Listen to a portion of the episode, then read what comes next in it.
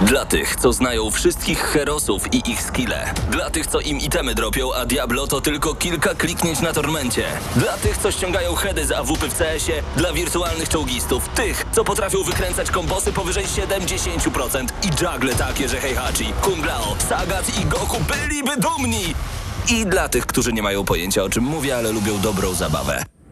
Dla tych, co klikają i tych, co dzierżą pada, co na klawiaturach, joystickach i innych kontrolerach grają w gry wideo. Ta audycja jest dla Ciebie. Gramy na maksa w każdy wtorek o 21.00 tylko w Radiu Free.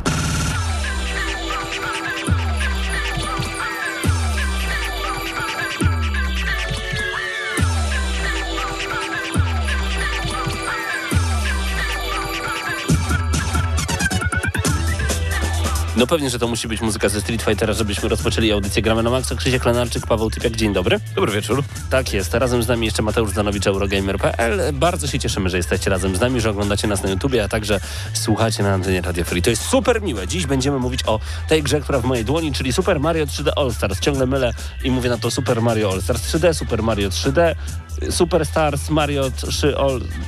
To już moje. Chciałbyś. E, w każdym razie rzeczywiście zagraliśmy dużo z Mateuszem, szczególnie, że ja przeszedłem wszystko, poza Sunshine kiedyś, wszystkie części kilka razy. I no opowiemy wam dzisiaj, czy rzeczywiście warto wydawać takie gry raz jeszcze. To zdradź mi od razu jedną rzecz. Czy to jest najlepsza kompilacja z Mario dostępna Nie. na rynku?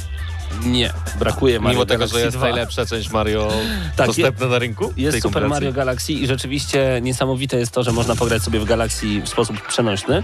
Em, czy to jest najlepsza kompilacja? Z drugiej strony, jak tak to teraz przemyślę, może i jako kompilacja to tak.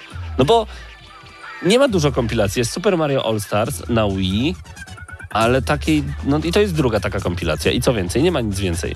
No dobra, chyba to jest najlepsza kompilacja jednak. Tak, tak jak patrzę pod, kom- pod względem się, kompilacji. było coś więcej, ale ręki sobie nie dam uciąć. To Mhm. akurat ty jesteś fanem zarówno Lubię. mm, wąsa tego hydraulika, jak i w sumie całej marki Nintendo. Ale Super Mario Galaxy ciągle grzeje, proszę pana. No najlepsze Mario, Najlepsze. moim zdaniem. Zresztą chyba kiedyś obopólnie stwierdziliśmy w którejś dyskusji, że to jest najlepsze Mario, Ale jakie wyszło. przyjacielu, gdyby, y, to, że nie wydali Super Mario Galaxy 2 y, właśnie w tej kompilacji, może sugerować, że zrobią nie remaster, a remake tej gry i to by było... Jest to wielce prawdopodobne. Ale też będę narzekał wtedy, że czemu nie remake y, Galaxy 1, która jest tak świetną grą. No, nie dogodzicie wszystkiemu. E, wiesz co, wszystkim. być może w momencie, kiedy, bo to jest jakoś tak, że nie do końca jestem przekonany, że po prostu ten zestaw jest w sprzedaży przez jakiś tam określony czas Do końca marca chyba? i później jak on zniknie, to może pojawi się w dystrybucji cyfrowej, czy coś takiego jak nie, to osobne razem... części. A, może i tak być. I wtedy być może dopiero pojawi się kontynuacja mm, Super Mario Galaxy, czyli Super Mario Galaxy 2. Na razie oczywiście nie jest to oficjalne, ale gdzieś tam e, drogą dedukcji można podejrzewać, że może Nintendo pokusi się o wydanie tej, tej lepszej kontynuacji Super Mario To Galaxy. prawda, nikt tak nie potrafi na jednej rzeczy y, zarobić kilka razy jak Nintendo i to trzeba im przyznać i ukłony w ich stronę. Wojna konsol trwa, proszę pana. I to tak, Tak. poważnie. A powiem Ci ciekawostkę. Dzisiaj widziałem informację, że wiele serwisów sprzedających najnowsze konsole Sony, czyli PlayStation 5, podało informację, że niejako nie dotrze ona do wielu klientów na start e, nadchodzącej generacji. Po prostu sklepy e, przeszacowały ilość konsol, które dostają, albo dostaną konsol mniej niż e, zakładał wydawca tejże konsoli. No i z tego tytułu część osób, które Te konsole oczywiście zakupiły, dostają informację, że tej konsoli na premierę nie dostaną, no i oczywiście internet znowu jest zawiedziony. Znaczy, to Jak jest- to możliwe? Ale żeby Mhm. nie było, że tylko Sony zaliczyło e, fal start, jeżeli chodzi o preordery, z Xboxem jest bardzo podobnie, na przykład e, za e, no, e, w Wielkiej Brytanii em, preordery ro- rozeszły się bardzo szybko i również zostały sprzedane kopie Xboxa Series X, co ciekawe, bo jak się okazuje w preorderach schodzi głównie ta mocniejsza konsola, e, znikają spółek i kilka konsol, które nie dotrą do użytkowników również zostało sprzedane, więc ogólnie wojna konsol trwa, ale fal start zaliczyli i zieloni i niebiescy. E, tak, ale przy okazji Xboxa One i PlayStation 4 było tak samo, żeby kupić, chociaż z Xboxem nie było aż tak ciężko, ale to nie było super łatwe. Natomiast, żeby kupić PlayStation 4 w dniu premiery, to i te zamówienia przedpremierowe nie docierały do ludzi i nie było gwarancji, że konsolę dostaniesz na start, to po pierwsze. No a po drugie, jak już dostałeś, to no miałeś się do czego przytulić. Tyle tylko, że pamiętaj, e, tam ta, e, tamten start, czyli obecnej generacji jeszcze trwającej, było tyle niesamowite, że były gry next genowe na start. Od Czy razu wiem? dostawaliśmy Killzone, Killzone Shadowfall. Shadowfall. Ale to już wystarczy, tu nie masz nic. Dlatego mówię, to jest problem, że nie ma PlayStation 5 i jednocześnie nie ma, bo wyobraź sobie dzień premier, bo ty zamówiłeś Xboxa Series, Series X. Tak. tak jest. Ale wyobraź sobie, e, ja wiem jak będzie wyglądał twój dzień, kiedy będzie premiera. Nie dostaniesz żadnej gry next genowej na premierę, chyba, że...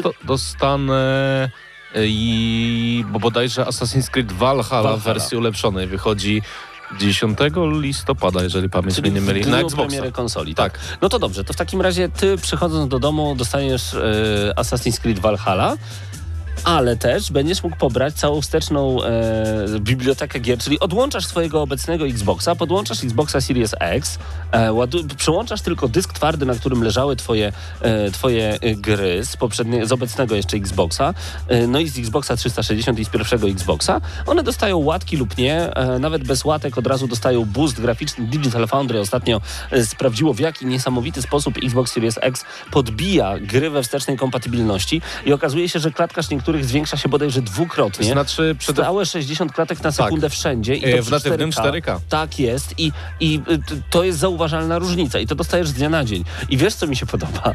Że jeżeli dzisiaj zaczniesz grać w y, Tomb Raidera, y, to ty podłączysz sobie po prostu Xboxa i będziesz grał dalej w tego Tomb Raidera w miejscu, w którym skończyłeś. A dzisiaj PlayStation powiedziało, dla mnie rzecz...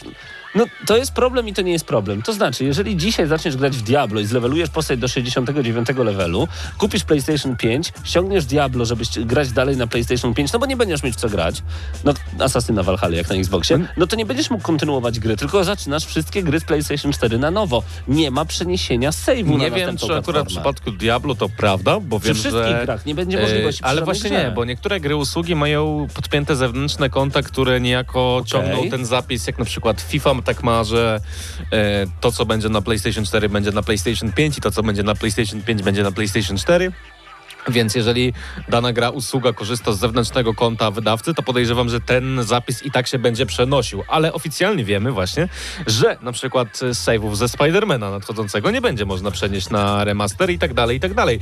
Może właśnie o to chodziło o Sony, że e, oczekują oni bezpośredniego przejścia z generacji na generację, odczynając po prostu zapisy z ukochanych gier wielu graczy. Ale ja myślę, że po prostu Sony gdzieś tam... E, no, troszeczkę przesypia ten start generacji. Wiadomo, ludzie kochają PlayStation, szczególnie w Polsce ze względu na ekskluzywy i wcale mnie to nie dziwi, bo to są Tak. w, większości fenomenalne gry. Natomiast e, no, wydaje mi się, że w tej generacji trzeba będzie jednak czegoś więcej dla graczy niż po prostu fenomenalnych gier, bo nawet patrząc po tym, jak... e, wskazywana jest sprzedaż preorderów na świecie w tym momencie, to widziałem na Twitterze taki post, który oczywiście wynikał z pewnego przybliżenia, z pewnej estymacji, że dosłownie niewiele mniej kopii Xboxa sprzedało się niż PlayStation 5. To jest już wielkim zaskoczeniem, bo e, bodajże na start były takie szacunki, że to będzie... E, 3 do 5, tak jakby na korzyść PlayStation 5. No jak, się, jak się jednak okazuje, nie do końca tak jest. I szokiem też jest to, że e, Xbox, Xbox Series S, czyli tam mniejszy brat, nie sprzedaje się tak dobrze, jak zakładano. I bodajże w pewnym momencie, przy pomocy oczywiście również pewnego przybliżenia, wyliczono, że e, 10 razy więcej osób miało w koszykach e, tego mocniejszego Xboxa niż tego słabszego. Ale dziwicie to, bo mnie w ogóle, bo tak naprawdę w tym momencie jedyny marketing, jaki dociera odnośnie nowych konsol, dociera tylko i wyłącznie do takich geeków jak my, do osób, które interesują się grami. A jak ruszy maszyna e, związana z całym tym marketingiem przedświątecznym, konsola ma premierę 10 listopada, no to e, sprzedać Kowalskiemu fakt, że masz najmocniejszą konsolę na rynku, najtańszą konsolę na rynku, choć to dwa oddzielne produkty i że w cenie abonamentu będziesz mieć jeszcze zestaw ponad 100, prawie 200 gier tak naprawdę i to wszystko będzie dosłownie dostępne ad hoc na twojej konsoli, no to jest różnica pomiędzy wydaniem 2300 zł a 1300 zł i to podzieleniu, w podzieleniu na raty. Więc wydaje mi się, że w momencie, kiedy Microsoft ruszy z marketingiem, One S, przepraszam, Series S, ach, to jest problem z tymi No, nazwami. to jest chyba w ogóle największa Największe. bolączka głowy, Tak. y, największy ból głowy wywoływany ze strony Microsoftu. Nazewnictwa konsol Bo było tak, że przecież y, na- Z- na Amazonie 746% podskoczyła sprzedaż Xboxa One One, X, X, bo, bo się ludzie ludzie pomylili mylili. konsolę. Tak jest. Natomiast e, jestem przekonany, że jednak marketing tutaj Microsoftu dobrze zadziała i, i, i, i jednak konsola, która, jest cel, która celuje bardziej w casuali, e, trafi właśnie do nich z jednej strony, bo z drugiej strony Mateusz Fiduton z Gramy na Maxa zamówił w podstawie PlayStation 5 wersję z napędem, ale do tego dołożył jeszcze Xboxa Series S, bo stwierdził, że multiplatformy, na, że gry na płytach multiplatformowe będzie e, ogrywał na PlayStation 5, ekskluzywy na PlayStation 5, natomiast e, Series S przyda mu się do abonamentów. Też świetny wybór moim zdaniem. Ogólnie ta generacja nas rozpieszcza, zarówno jeżeli chodzi o możliwości kombinacji Tak. jednej i drugiej konsoli. Opcje, opcje, opcje, moi I drodzy. same zresztą ceny konsol są zaskakująco niskie jak na możliwości, bo jeżeli założymy, że będziemy użytkować konsolę przez powiedzmy 6 do 8 lat, no to wybór, wydanie tych 4000 zł, no plus Na minus konsole, oczywiście tak. na obie konsole, to wcale nie jest tak duży wydatek w perspektywie e, kupienia komputera za 8-9 tysięcy, który uciągnie te same gry na podobnych detalach. No właśnie o tym też dzisiaj będziemy mówić, bo udostępniałem dzisiaj na e, naszym fanpage'u Gramy na Maxa e, artykuł ze Spiders Web, gdzie autor porównał, że aby osiągnąć podobne mm, możliwości na, na, te, na komputerze, jak ma Xbox Series X, trzeba wydać około 8 tysięcy na komputer. Z Mateuszem Zdanowiczem porozmawiamy o tym, że to nie do końca jest taka prawda. No właśnie nie do końca to jest prawda, bo przede wszystkim e, trudno oszacować samą moc operacyjną karty graficznej. Zresztą w przypadku samego PC-ta warto zwrócić uwagę, że to Nvidia, czyli nie firma, która dostarcza obecnie podzespoły do konsol, bo to AMD dostarcza mm, procesory graficzne, e, jest e, firmą, która jest liderem w wielu różnych technologiach, zarówno właśnie jeżeli chodzi o karty graficzne, operacje graficzne, wielowątkowe, różnego rodzaju i tak dalej, ale też przede wszystkim sztuczna inteligencja to jest mocny punkt NVIDII, y, gdzie ona jest mocna i na pewno ta sztuczna inteligencja będzie w jakiś sposób używana czy wspierana na PC-tach, a także przede wszystkim warto pamiętać, że NVIDIA ma swoją chmurę, która działa i działa bardzo dobrze. Nawet bym powiedział, że y, w pewnych aspektach lepiej niż xCloud, dlatego że w chmurze NVIDII możemy grać wtedy, na, e, wtedy po prostu kupujemy grę na e, dowolnej platformie czy wspieranej. e, przypadku akurat ja to testowałem Steam i możemy sobie na superkomputerze NVIDII to odpalić. Jeżeli abon abonamentujemy, to oczywiście mamy mniejsze ograniczenia, ale możemy to robić również za darmo, nawet gdy nie posiadamy karty NVIDII. I to też jest ciekawe, że jestem w stanie się założyć, że przy zakupie właśnie nowej karty od zielonych dostaniemy pewne bonusy, więc to też się będzie wiązało z pewnymi korzyściami i my dzisiaj nie do końca jesteśmy w stanie oszacować, e, jak to wszystko będzie wyglądać na przestrzeni całej generacji. I jeszcze jedna rzecz, pamiętam, że jak wychodziło PlayStation 4 i Xbox One, to również były takie szacunki, jaki komputer trzeba złożyć, żeby osiągnąć podobne warunki. Wtedy to była granica 3-4 tysięcy złotych, około 3 raczej w tej dolnej granicy i e, okazało się, że te parametry, które starczały, e, żeby odpalić pewne gry na start, bardzo szybko się zestarzały i pewne gry już po czasie na, tej, mm, na tych parametrach podobnych do konsoli nie chodziły. A PS4 na- do tej pory no, wyciska Dokładnie. ostatnie soki. No I, super to I jest. to jest właśnie to, że niekiedy wzrost wymagań sprzętowych na PC jest e, nieadekwatny do Tak. tego, co mimo tego, że na przykład na konsoli architektura się nie zmienia. I o tym dzisiaj pogadamy z Mateuszem Zanowiczem z Eurogamera. Natomiast wracając jeszcze na chwilę do przenoszenia tych stanów e, pamięci, czyli save'ów pomiędzy PlayStation 4 a PlayStation 5, można by powiedzieć, och, problemy pierwszego świata. Ale ja zaznaczyłem hasło opcje, opcje, opcje i uważam, że obecna generacja powinna właśnie pod takim hasłem wystartować. Nie pod hasłem for the players czy play, tudzież jak niektórzy mówią pay has no limits, no bo rzeczywiście gry na playaka będą e, drogie, e, Xbox będzie mieć e, abonament, który jest naprawdę niezłą odpowiedzią. Natomiast dlaczego uważam, że powinniśmy mieć jak najwięcej opcji? Bo czytałem mnóstwo odpowiedzi, daje się cały czas wciągnąć w te wojenki konsolowe na różnych Aż grupach. to jesteś tutaj No, nudzić się no, chyba w domu. Nie mogę, nie mogę po prostu y, podarować niektórym, no. I jak zobaczyłem, że och, jak będę chciał, to sobie zagram po prostu na PlayStation 5 w tą grę z PlayStation 4 raz jeszcze, po co mi te save'y? No ale ja pomyślałem sobie, to nie o to chodzi, że y, ty będziesz sobie grać raz jeszcze w tę grę, bo musisz. Ale ty sobie w nią zagraj raz jeszcze, bo możesz. I to będzie dawał Xbox. Zobacz, odpalam grę na Xcloudzie, mam synchronizację i ja dzisiaj grałem sobie w domu na Xboxie One X w Gearsy 5, pojechałem z moją małą na tańce, miałem godzinę luzu i grałem kolejne mecze po sieci na telefonie w Gearsach 5, wbiłem dwa levele, y, dwa mecze wygrałem, jeden przegrałem. O to chodzi, kontynuacja gdziekolwiek jesteś i to działa i o to, o to tylko chodzi. A jeżeli chcę zagrać raz, i raz jeszcze na nowo, no to wciskam New Game, ale mam opcję. No gracze na PlayStation takiej opcji zupełnie mieć nie będą. Mówiliśmy zresztą o tym, że to jest moim zdaniem przyszłość gamingu, żeby dało się zagrać w dowolnie zakupioną grę w dowolnym miejscu. To w tym momencie dostarcza nam Microsoft, ale warto wspomnieć, że myślę, że w pewnych aspektach to wcale nie przekreśla Sony, że jednak Nie, dojdą do pewnych pewnie. rozwiązań. Wydaje mi się, że pewna, pewne kwestie to jest um, tylko łatka systemowa albo pewne rozwiązania, które można Mogą dodać wejść, w trakcie tak. generacji. Szczególnie, że ta jednak kompatybilność ze wsteczną generacją na PlayStation 5 wcale nie jest taka zła, jak można by przewidywać, szczególnie w kontekście pozytywnych zmian PlayStation Plusa, który w PlayStation Collection de facto yy, nie dość, że oferuje nam większość, albo nawet wszystkie najlepsze ekskluzywy wydane na PlayStation 4, ale także kolekcję innych fenomenalnych gier, jest- które wyszły na poprzednią Prawda generację. jest taka, że jeżeli drodzy gracze i słuchacze nie mieli, jeżeli byliście teraz tylko i wyłącznie właścicielami Xboxa One, a nie mieliście PlayStation, kupienie PlayStation 5 jest dla was obowiązkiem, ponieważ musicie koniecznie w ramach abonamentu od PlayStation nadrobić we wszystko. ekskluzywy. I to jest cudowne. Z drugiej strony, jeżeli mieliście tylko PlayStation 4, ja bym nie odpuścił faktu, że za lekko ponad dwa koła mam maszynę, która ogrywa mi z trzech poprzednich generacji i jeszcze z obecnej na najbliższe lata gry, które są jeszcze podbite. Do, to, to nie są kanciaste strasznie tytuły. To są tytuły, które na przykład jak SSX 3 sprzed wielu, wielu lat podbite do 4K. Przecież to jest coś niesamowitego i nigdy nie dostaliśmy jeszcze takiej opcji z dwóch stron. Więc to jest, to jest cudowne. Ja miałem zawsze obie platformy, więc nie mam za dużo do nadrabiania, ale mimo wszystko kubka wstydu jest u mnie po prostu totalnie ogromna, więc ja się cieszę, że ja nie kupuję konsoli w ogóle w dniu premiery, chociaż co chwilę skłaniam się w stronę i PlayStation 5, no bo dla mnie to będzie naturalny update, bo nie miałem PlayStation No 4 ja też Pro. pewnie kupię po jakimś czasie. Ale właśnie też Xbox Series X i fakt, że ja naprawdę zobaczę różnicę jakościową, lecz najpierw telewizor OLED. Muszę to zrobić, bo to właśnie- inaczej, inaczej nie widzę jeszcze w tym momencie sensu, gdzie mam 1080p, świetny telewizor ze świetnym obrazem, ale jednak, no jak mam zobaczyć różnicę, no to muszę zainwestować. Dajcie znać, co wy sądzicie na ten temat. Ehm, patrzymy sobie oczywiście do nas na naszego YouTube'a.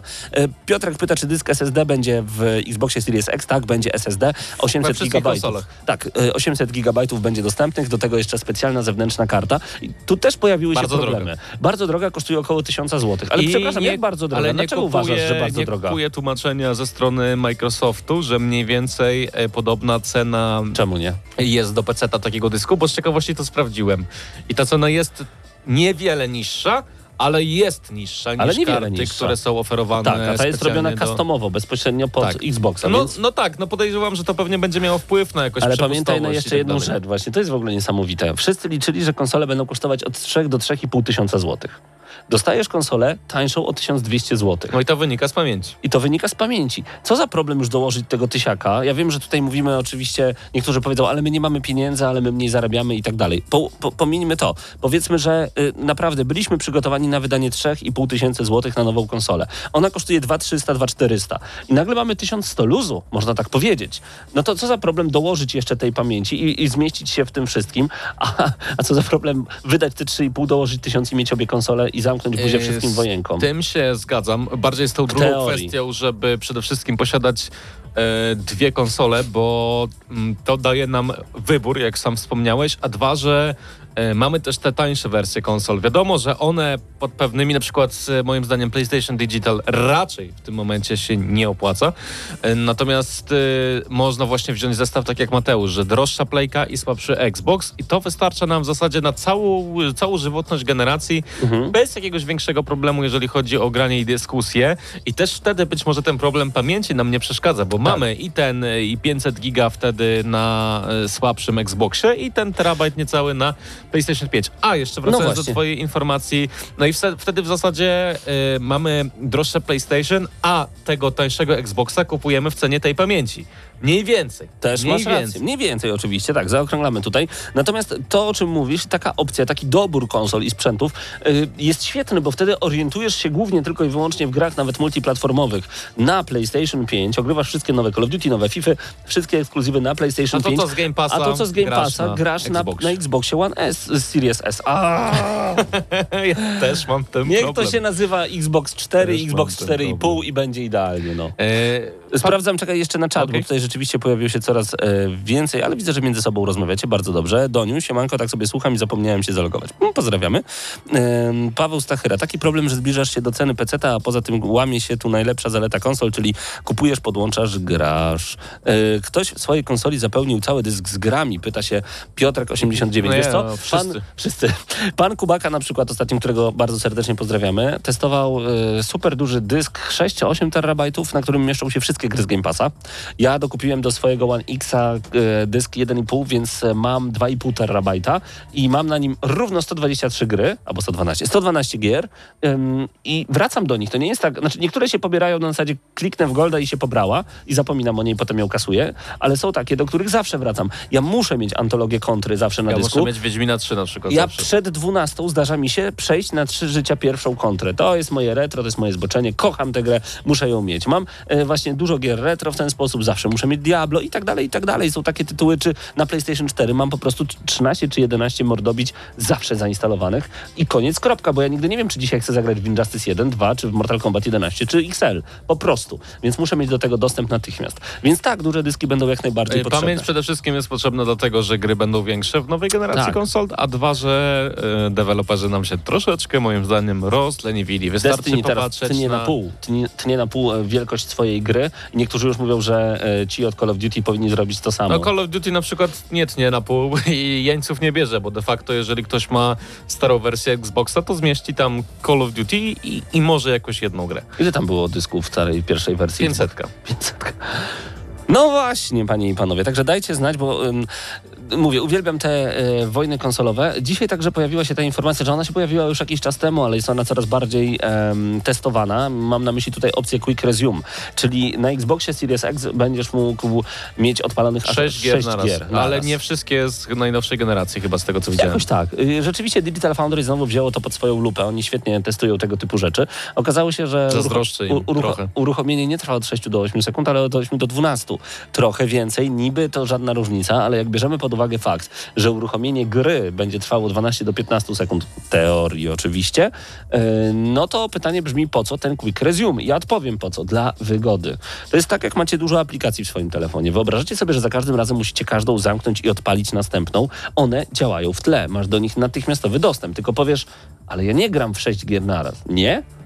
A jak będziesz chciał zaraz zagrać w Diablo i przerwać w tym momencie i kumpel cię zaprosić do FIFA, przeskoczysz z Diablo do FIFA w 6 sekund, a potem skończysz meczyk, będziesz chciał jednak pograć sobie w samochody jakieś i uruchomisz to w 6 do 12 sekund. Moim zdaniem to jest ekstra opcja, bo jest przede wszystkim wygodna, a wszystko co wygodne powinno być implementowane. Powiem ci szczerze, że nie zastanawiałem się nad tym i nie wiem, czy w ogóle to jest mi potrzebne do życia. Ale taka opcja powinna, właśnie o to właśnie chodzi w tej opcji moim zdaniem. Ty jej nie potrzebujesz, dopóki jej nie ma. Właśnie, być może jak ją przetestuję, to stwierdzę, Tak. że to jest Bo- niesamowity game changer, bez którego nie mogę się obyć. A Natomiast zobacz, ile było opcji do tej pory, z których nie korzystałeś. Korzystałeś na przykład z kopilota na padzie do Xboxa? Ja raz. Jak z moją córką grałem w platformówkę. Polega to na tym, że dwa pady działają jak jeden pad yy, i we dwójkę możecie grać jedną postacią. Yy, I dzięki tak. temu z małymi dzieciakami na przykład ja dobrze się gra. jestem na tyle zboczonym graczem, że wyłączam wibracje, bo mnie to po prostu denerwuje. Jak mi coś w rękach bzyczy w niespodziewanych momentach, no chyba, że jest to gra samochodowa, to wtedy wibracje Ale oddają widzisz- mi to, jak jadę. Ale jest taka opcja, czy na przykład z udostępniania gry przez PlayStation 4. Ja przetestowałem to za pierwszym razem, czy y, ten y, wspólny pilot, że możesz komuś oddać przez internet e, pada i ktoś może przejść grę. I to było wykorzystane ze mną może ze dwa, trzy razy, a potem z tego nie korzystałem, ale fakt, że opcja jest, uważam, że to jest ważne. No to wiesz, tak samo można powiedzieć, że haptyczne wibracje i, i całe odczuwanie pada, które oferuje nam PlayStation 5 będzie takim game changerem, bez którego nie będziemy mogli na najnowszym Xboxie się obyć, więc to po prostu musimy przetestować, musimy zobaczyć, żeby stwierdzić, czy jest to przydatne, czy nie. Natomiast to, jak wydajny jest Xbox Series X w grach z zeszłej generacji na pewno robi wrażenie i na pewno sam osobiście będę czekał, żeby przetestować tę możliwość na swojej kopii, którą mam nadzieję dostanę na premierę i na pewno unboxing tejże konsoli e, już wkrótce na naszym kanale. Generalnie wszystkie konsole będziemy mieli dostępne w dniu premiery, z Bardzo tego co dobrze. wiem, także bardzo dobrze. Zostańcie z nami, tu gramy na maksa, przed nami em, Super Mario 3D All Stars razem z Mateuszem Zanowiczem, a także Mateusz Widut i Mateusz Zanowicz o najnowszym remake'u Mafii. Och, jest o czym opowiadać. Gramy na maksa.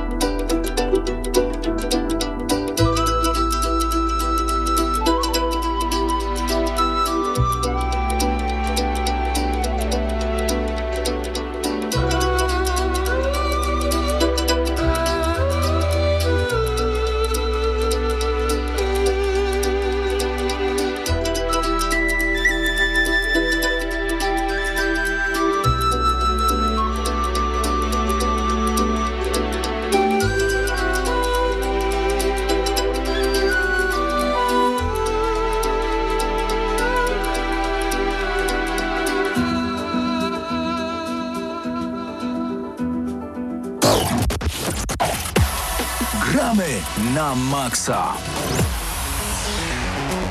Razem ze mną Mateusz Zanowicz, Eurogamer. Dzień dobry, dobry wieczór. Dobry wieczór. W mojej dłoni, nie, nie telefon, poczekaj, Super Mario 3D To All prawie ta sama wielkość w sumie, bo pudełeczka Nintendo takie Taki poręczne. ma, ma, malutkie no i poręczne, to prawda. Y, Czy to nie jest przerost formy nad treścią, że taki mały cartridge w tak wielkim pudełku?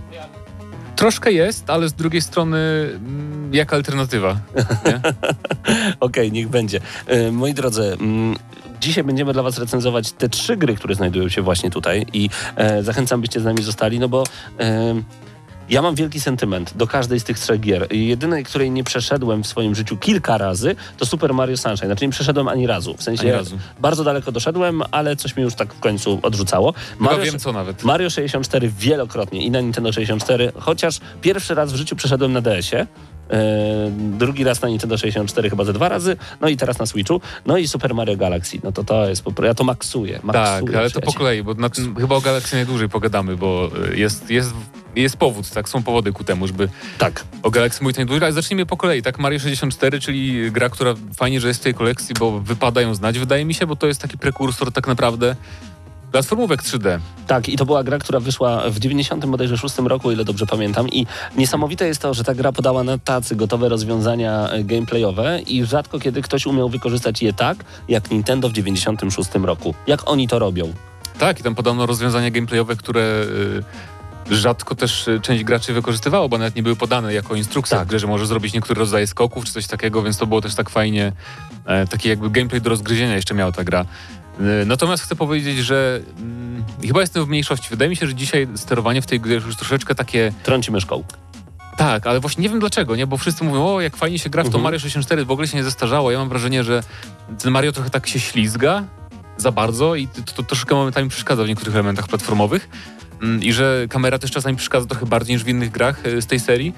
Ale Em, chyba przez pryzmat natomiast- patrzymy właśnie tego, że to jest jednak retro gra sprzed No tak. 25 lat prawie, e, więc rzeczywiście dużo wybaczamy. Ale e, to, co zachwyca na pewno w Mario, design leveli, fakt, że em, do każ każdy level, znaczy jak wchodzimy do levelu, to musimy zebrać w nim kilka gwiazdek i za każdym razem mamy inną ścieżkę do tej gwiazdki i inne rozwiązania gameplayowe są zastosowane i to naprawdę potrafi zachwycać, bo mimo iż znamy już dany level, nam się przynajmniej tak wydaje, no to nagle otwiera się zupełnie inna ścieżka i okazuje się, że tam, z tamtej strony jeziora jest jeszcze jakieś dodatkowe przejście, które otwiera nam dojście do innego zamku. Super. Tak, to prawda. Jeżeli chodzi o taki design, właśnie gameplayowy design Mhm. poziomów, to jest e, fenomenalny oczywiście do dziś.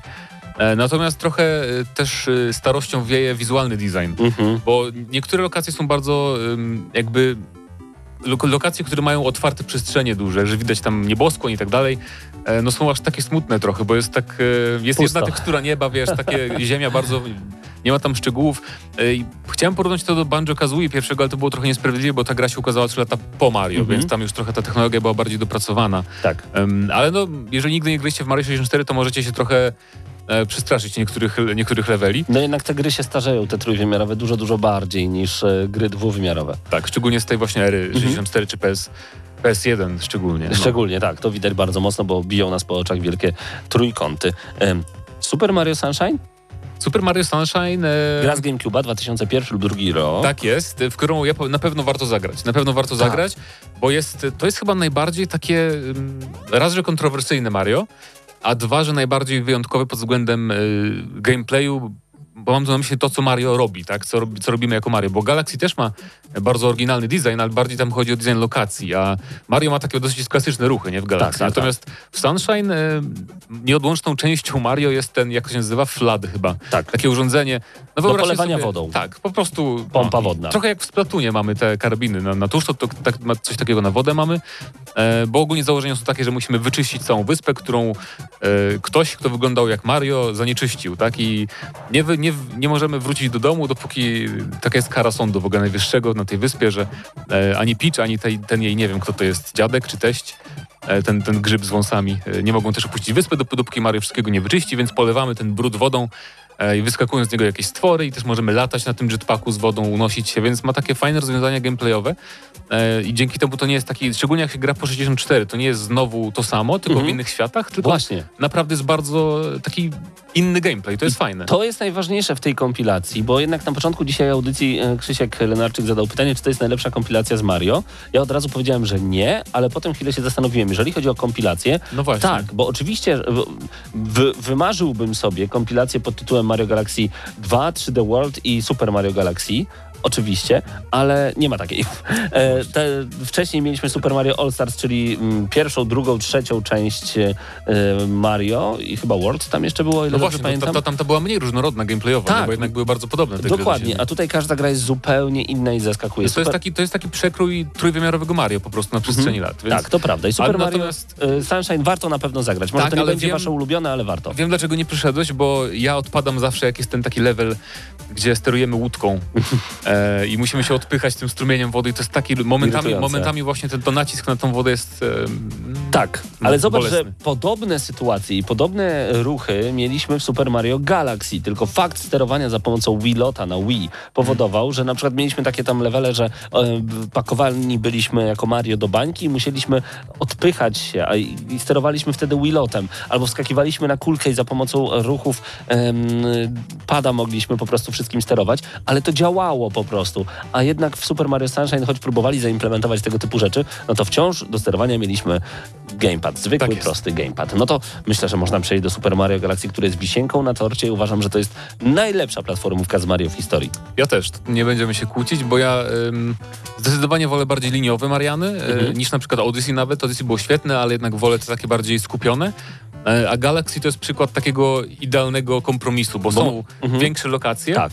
Ale są też te takie małe, gdzie raczej masz e, wyznaczoną trasę, możesz tam trochę zboczyć, ale, ale bez przesady.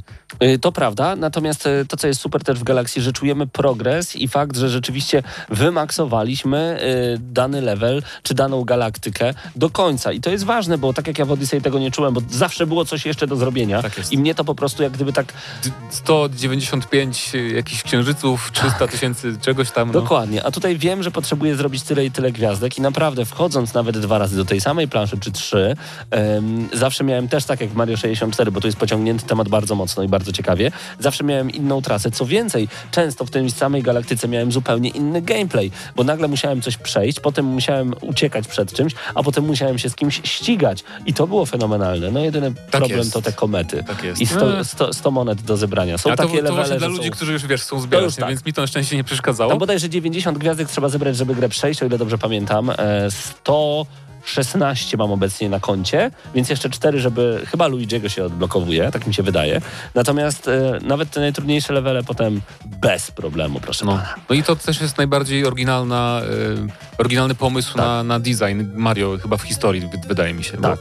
Bo, bo to, jeżeli nie wiecie, tak to w Mario możemy, są, są levele, gdzie chodzimy po takich mini planetkach, mały książę na okładce. Dokładnie. E, gdzie po prostu chodzimy dookoła jakiejś planety i tam normalny jest gameplay, że skaczemy i tak dalej, ale właśnie grawitacja działa tak, jak powinna działać nie wiem, nie wiem, czy tak działa jak w Mario, grawitacja w kosmosie, ale, ale wiecie o co chodzi. Chodzimy dookoła różnych tam planetek i tak dalej. I też Tak. gameplay się zmienia, że nagle chodzimy e, na przykład, nie wiem, zmienia się perspektywa na jakiejś planecie, wchodzimy do jakiegoś podziemia w asteroidzie i tam gameplay jest taki jak w dwuwymiar- w dwuwymiarowych Mario przez chwilę, Tak. więc jest e, bardzo różnorodny. Fenomenalny zestaw, a do tego jeszcze e, mamy podbitą grafikę, więc to wygląda dużo Mm. lepiej nawet niż e, Wii wrzucone na Wii U, bo Wii U też podbijało nam grafikę do 1080p, ale tutaj no wygląda to lepiej.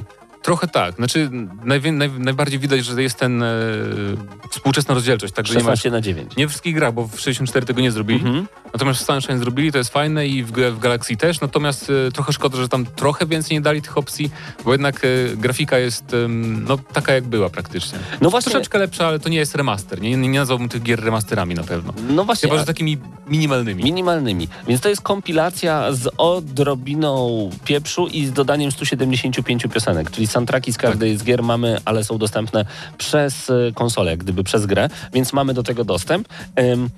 To jest dobra kompilacja, to jest bardzo dobra kompilacja, bo jeżeli chcecie sobie przypomnieć albo mieć w kolekcji e, i przede wszystkim móc pograć w te super klasyki w wersji przenośnej na waszym Switchu, to jest must have, szczególnie, że ona będzie dostępna chyba tylko do 28 marca. Do końca marca, tak. Chociaż podejrzewam, że potem będą osobno mm, Tak sprzedawane pewnie, bo i też warto zaznaczyć, że a propos przenośności, w Galaxy rozwiązano całkiem, chociaż to nie jest super wygodne, ale bo w Galaxy musimy sterować jakby naszym Wilotem, czyli tym Joy-Conem jako takim wskaźnikiem czasami, nawet często.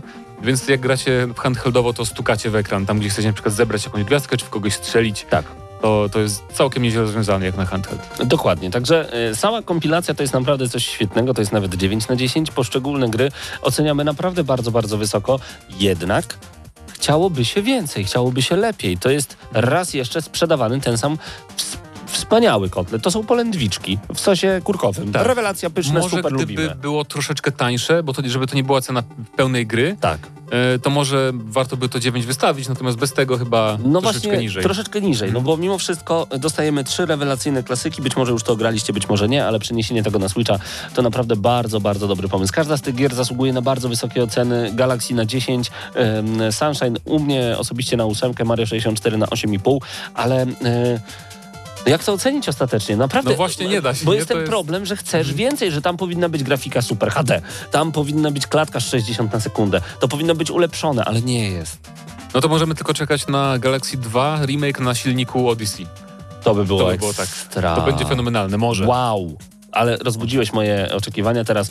E, 8 na 10 dla całej kompilacji? Tylko pamiętajcie, jest- poszczególne gry zasługują na więcej. Chodzi tylko o to, że No. Nintendo upchnęło trzy gry i nie dało za dużo Jeżeli nie graliście nigdy w Galaxy, to moim zdaniem bardzo warto. bardzo dla, warto. dla samej tej gry tylko Tak. kupić, nie? więc to jest bardzo trudne do oceny, ale no musimy jakoś jakiś konsensus wyciągnąć, więc 8, i- no 8,5 na 10. 8,5 na 10, ale pamiętajcie, jest. Galaxy 10, e, Sunshine 8,5, a Mario 6, znaczy 8, a 8,5 Mario 64. Rewelacyjne tytuły upchnięte w takim małym kartridżu e, od Gramy na Maxa i dziękujemy bardzo serdecznie firmie e, Conquest Entertainment za dostarczenie nam tej gry do recenzji. Warto było w nią pograć, oj tak.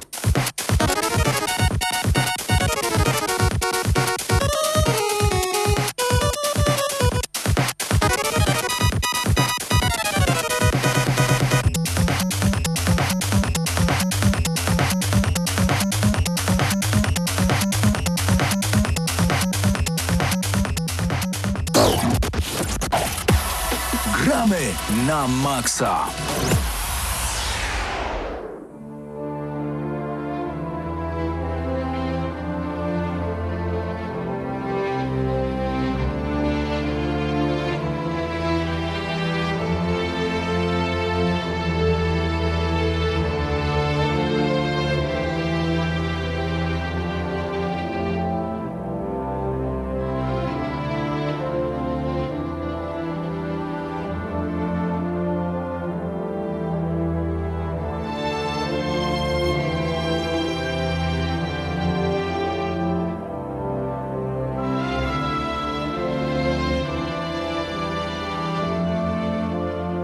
Wgramy na maksa. Czas na recenzję Mafia edycja ostateczna, czy też zagraniczna nazwa to Mafia Definitive Edition, znana też pod y, tytułami Mafia Remake albo Mafia 1 Remake. No strasznie dziwny ten tytuł.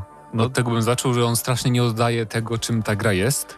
Ale to też może dlatego, że no, minęło tak naprawdę y, na szybko licząc 18 lat od y, premiery e, Mafii na PC-tach, Tak. bo później się pojawiła również i na konsolach chyba 2003-2004, tak więc y, istnieją już na świecie ludzie, którzy mają 18 lat, więc mogą już sobie zagrać w tą mafię, a, No a wtedy się dopiero rodzili, więc mogą w ogóle nie pamiętać, że taki tytuł istniał i że to jest remake, więc... No dobra, ale masz edycję ostateczną, to też brzmi jak jakiś, wiesz, no to, brzmi jak jakiś remaster, jeszcze, jeszcze gorzej moim zdaniem, więc to mnie trochę dziwi, ale rozumiem, no bo tak sobie postanowili, że trzy gry, które odświeżą troszeczkę z serii nazwą właśnie edycja ostateczna, e, przy czym to w przeciwieństwie do takiej edycji ostatecznej Mafii 2 jest właśnie, jak powiedzieliśmy już, pełny, stuprocentowy remake zbudowany od podstaw, jest absolutnie wszystko w tej grze, e, począwszy od e, aktorów zbudowanych od podstaw, postacie, E, Po miasto jest też trochę przebudowane, chociaż też ma po, oczywiście dużo podobnych miejsc, elementów. E, Model oczywiście, cały model, cały silnik, tak, poruszanie się, strzelanie i tak dalej, wszystko jest od nowa. Taka sama jest tylko historia. no I od dokładnie. tego chyba warto zacząć, że nie musieliście się obawiać. My też chyba się obawia, obawialiśmy, tak jak był- była zapowiedź tej mafii, że skoro robią to twórcy Mafii 3, to może dodadzą jakieś tam pełno misji pobocznych, jakieś tam właśnie takie, zrobią z tego typowe open world. Okazuje się, że nie. Na To jest, szczęście nie. Tak, to jest Mafia 1 po prostu, jeżeli chodzi o strukturę, bardzo podobna do Mafii pierwszej, czyli że mim- mimo, że to się dzieje w otwartym mieście, e, Lost Haven, przypomnij mi, jest wzorowany na, to jest takie Chicago połączone z Nowym Jorkiem troszeczkę, e, to to jest liniowa gra, czyli macie misję po misji, e, fabularne zadania, które po sobie następują.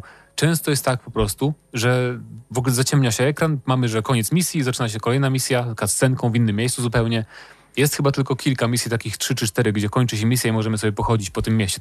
Ale pamiętam, że w oryginale chyba było więcej takich misji, że można było sobie trochę nie pojeździć taksówką na przykład, nie? Ja jakby nie odświeżałem sobie teraz tak na bieżąco o pierwszej mafii, ale z czego to pamiętam, to chyba było tak jednak, że po prostu po Wiem, że mogłeś pewno- sobie mhm. tam po prostu poruszać się po tym mieście, a dopiero e, jakby no, przechodziłeś sobie do e, kolejnej misji, a tutaj jest zrobione to e, bardzo liniowo. Bo Jak prostu- film. Jak film. Kończysz i jest e, napis, że ukończyłeś misję taką i taką, ładuje się ekran i nagle dostajesz po prostu kolejną, kolejną misję i zaczyna się od cutscenki i tak naprawdę cała ta gra wygląda.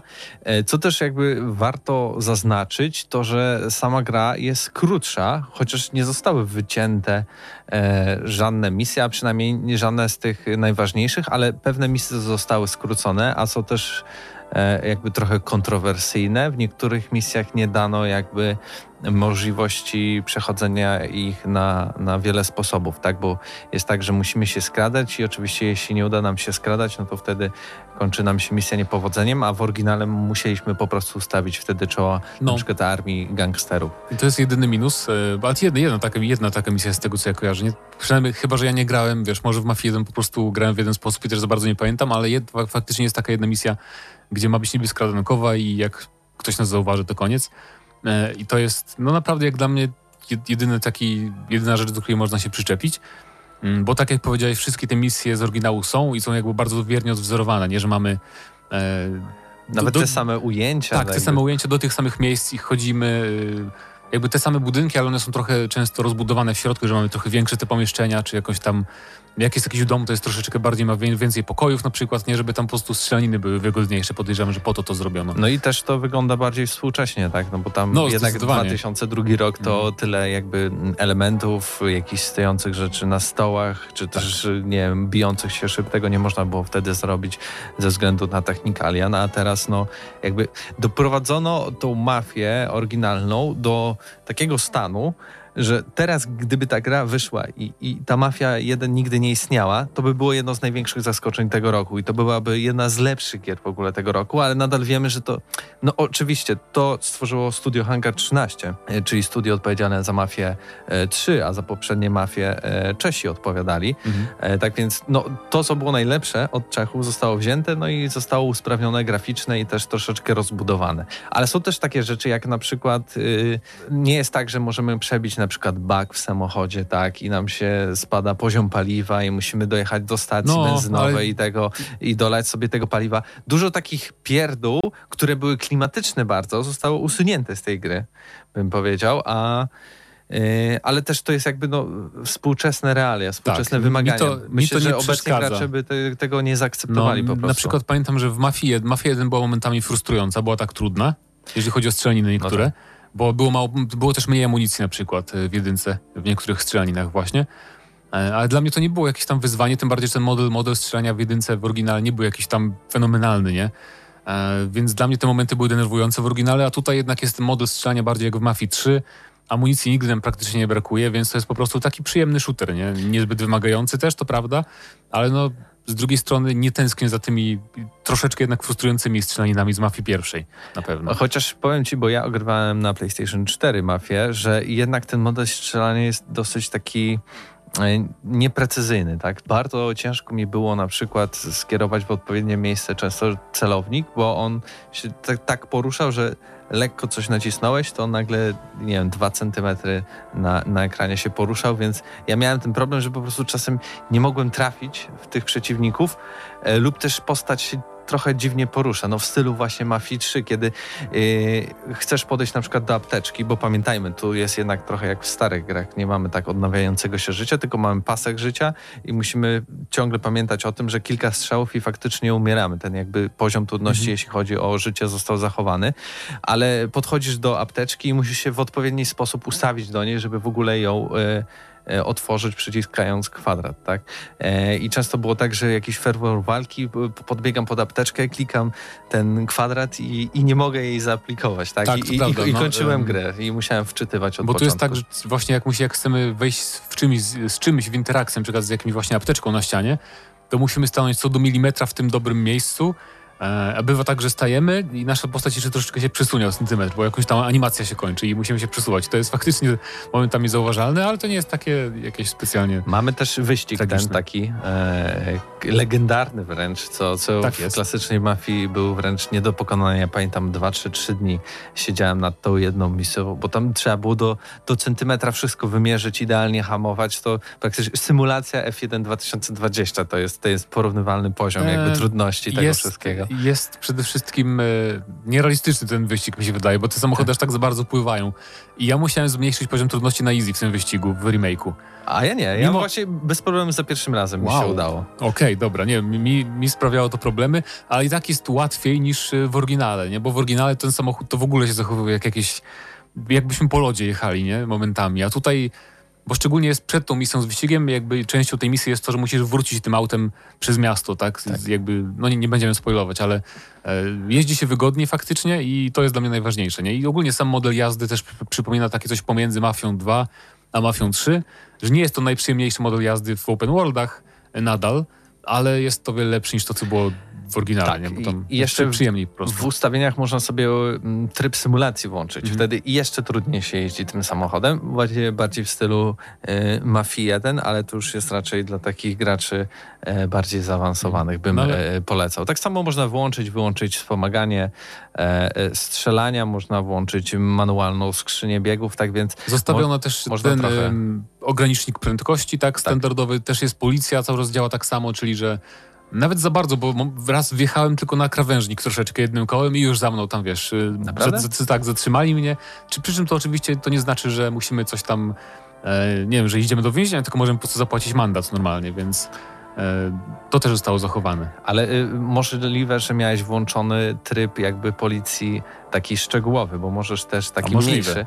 To bo y, ja właśnie się często dziwię, bo tam y, czy czerwone, czy zielone możesz sobie jeździć, mandatów nie nakłada policja, Aha. a w jedynce na przykład nakłada. Nie możemy też włączyć tutaj kierunkowskazów, więc to też zostało trochę wycięte. Ale oczywiście jeśli wjedziemy w samochód, wjedziemy w policję, no to oczywiście musimy e, zapłacić ten mandat i jakby to, to jeszcze e, pozostało. Ale jestem bardzo pozytywnie zaskoczony, jak dobrze udało się odzorować tą pierwszą mafię. I, i przypomniałem sobie, jaka świetna historia była w tej grze. I jeśli bardziej, ktoś że- nie grał w mafię, to to wręcz jest taki must have. To trzeba zagrać w tym roku No, w, jest- w tą jest- mafię. porządna mafijna historia i też aktorzy bardzo fajnie się spisali i cutscenki są bardzo dobrze wyreżyserowane, te wszystkie wyglądają bardzo ładnie. E, Ja wiem, że są fani Mafii 1, którzy, którzy uważają, że te twarze z Mafii 1 są jakieś niepowtarzalne i nie do zastąpienia, ale mi jakoś nie przeszkadza ich brak i to, że wszyscy wyglądają inaczej. E, Każda postać. e, Na pewno jeżeli chodzi właśnie o reżyserię i klimat też jest świetny w tej grze, naprawdę. Nawet właśnie, no dzięki temu, że jest liniowe, taki, mimo że mamy ten otwarty świat, to to jest liniowa gra jeżeli jedziemy od punktu A do punktu B, a otwarte miasto jest tylko po prostu tłem, także możemy sobie pojechać, a okrążę sobie ten budynek, zanim dojadę do celu i tyle. Po to jest ten otwarty świat. Jeszcze mamy na przykład y, dwie stacje radiowe i też często jest tak, że w trakcie misji, czy też po prostu gdy sobie jedziemy, to e, nadawane są komunikaty, które odpowiadają temu, że tam są nowe wybory, znoszona jest prohibicja, to co się działo, y, jakby, jaki wpływ mieliśmy na świat, chociaż to też chyba było, że tam się pojawiały komunikaty w pierwszej mafii, Tak, tak. kiedy tam kogoś zabiliśmy. No tak, bo to ogólnie ważnego. to jest, y, ta gra się dzieje na przestrzeni chyba 8 lat, nie? Tak. Więc to też jest fajny taki, tak samo jak dwójka zresztą też się działa na przestrzeni kilku lat, więc to jest fajne w tej grze, że jakby widzimy ewolucję tego świata dookoła nas i z nowością zupełną są motocykle, też nie było w jedynce motocykli. Które są trochę drętwe, Mm, ale- patrząc na model jazdy, ale się fajnie jeździ. Fajnie się jeździ, tak, bo można, jakby są bardziej ryzykowne, ale też y, trudniej czasami trafić w inny samochód, nie? bo tam sobie przemkniesz między dwoma pasami, tylko praktycznie nie mamy kiedy ich używać w głównym wątku, bo w głównym wątku zazwyczaj mamy wyznaczone auto, którym mamy jechać No i tak. Jest jedna tylko E, misja, chociaż której tak naprawdę czasami- jej używamy. Czasami jest tak, że wybieramy pojazd z garażu, żeby gdzieś dojechać. Wtedy możemy sobie motocykl wybrać. No i oczywiście możemy też motocyklami jeździć w trybie takim e, Freeride. freeride, jazda chyba wolna Jazda. po polsku.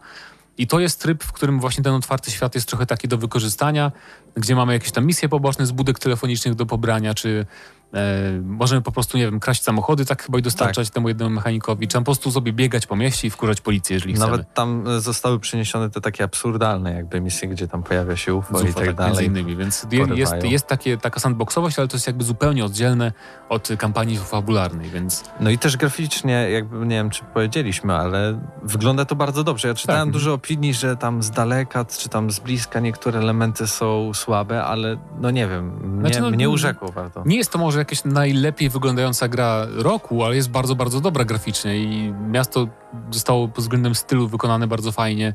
Nocą wygląda Chinatown pięknie po prostu, te, z tymi neonami i z tym wszystkim.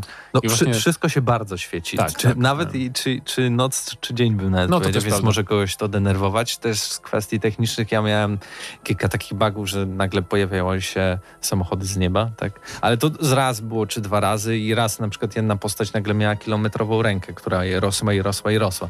To było dosyć zabawne, ale no to chyba taki wyznacznik Hangar 13. No ja, ja, ja, oni tam trochę w wersji nie wychodzi. W wersji PC-owej nie doświadczyłem bugów za bardzo, więc e, fajnie. Jest też bardzo fajnie zoptymalizowana ta gra, że nie sprawia żadnych problemów em, mojemu komputerkowi, więc się cieszę. E, Podsumowując, o takie remake'i walczyłem. Tak. Tak, naprawdę, naprawdę. Tutaj to, co było najlepsze, pozostało, zostało nawet usprawnione i to nie jest tak, że coś, no okej, zabrali nam jakieś takie feature'y, które s- sprawiają, no nie wiem, mieliśmy jakiś samochód, który nie potrafił wjechać pod ten największy most. No fajna rzecz, kończy się paliwo, też fajna rzecz. Mogli to dodać jakoś dodatkowo, a może jeszcze dodadzą w jakimś patchu, prawda, bo jeszcze e, często tak bywa, że jakieś dodatki wychodzą po premierze. Ale jednak to były takie rzeczy, mo- które tak, były...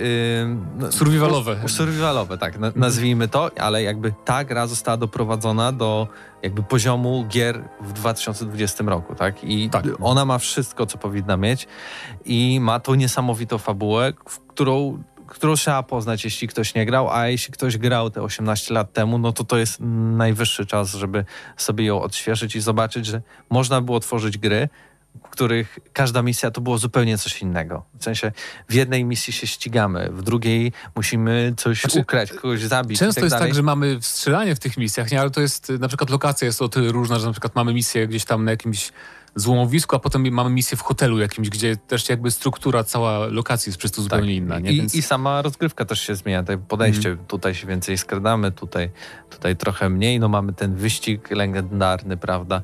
Tak więc e, dwa dni mi zajęło przejście i się nie odrywałem po prostu od monitora. Na, na dwa posiedzenia e, e, Mafię edycję ostateczną łyknąłem i, i bardzo polecam. Tak więc y, przynajmniej jeśli Jaką- ode mnie chodzi, to będzie 9 na 10. A dlaczego 9 na 10? Ponieważ po pierwsze trochę wycięte są te rzeczy, które były takie survivalowe, a jednak trochę smaczku dawały, na przykład to tankowanie paliwa, y, na przykład mandaty za, nie wiem, za przyjeżdżanie na czerwonym świetle, a także te kwestie techniczne, które no te bugi mi się i glicze trafiły, więc nie mogę powiedzieć, że nie, to nie jest idealna gra, ale fabuła, to jak ta gra wciąga i ja chcę więcej takich gier, które tak wciągają przed, przed, przed ekranem. Czyli ocena? Bo 9 na 10. 9 na 10 powiedziałeś. 10 na 10, Okej. tak. I Em, bardzo dziękujemy Cenega Polska za dostarczenie kopii No, do recenzji. Ode mnie to będzie 8,5 na 10, bo to takie drobnostki, które mnie trochę irytowały, właśnie jak te takie używanie tych apteczek, takie stawanie w miejscu, czy walka wręcz, o tym nie powiedzieliśmy w ogóle. Walka wręcz Jest jest, mega prosta, tak? Jest nawet, powiedziałbym, trochę denerwująca, bo są takie momenty, gdzie się musisz bić. Mhm. Gdyby ich nie było, to by mi tak nie przeszkadzało. Ale ogólnie to jest naprawdę piękny remake, tak się powinno remakeować gry, a nie tylko, że a, robimy HD remaster, Mass Effect pewnie taki będzie. Em, ale dla, dla mnie to jest właśnie 8,5 na 10, ale dajemy 9, bo... Bo. Bo cena jakość jest jeszcze, stosunek ceny do jakości. Ta gra kosztuje 150 zł na konsolach. E, więc strasznie mnie to zdziwiło, że Take-Two jednak postanowiło tutaj taką cenę nam dać. No bo to jest wyjątkowe dosyć. To jest normalna gra singlowa pełna na 12 godzin, powiedzmy, że tam na 10 godzin. Z trybem takim opcjonalnym, otwartym jeszcze po, po tym, po kampanii.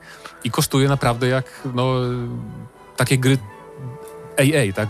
Średnio budżetowy powiedzmy, więc to Wkrótce jest też... będziemy płacić dwa razy tyle za gry. Właśnie, więc to Właśnie jest przypomnę. d- godne pochwały, że jednak ta cena To jest mega plusik. tak, utrzymała się na takim poziomie, więc Polecamy. 9 na Polecamy. 10. Tak, odgramy na maksa i, i musicie zagrać w nową mafię.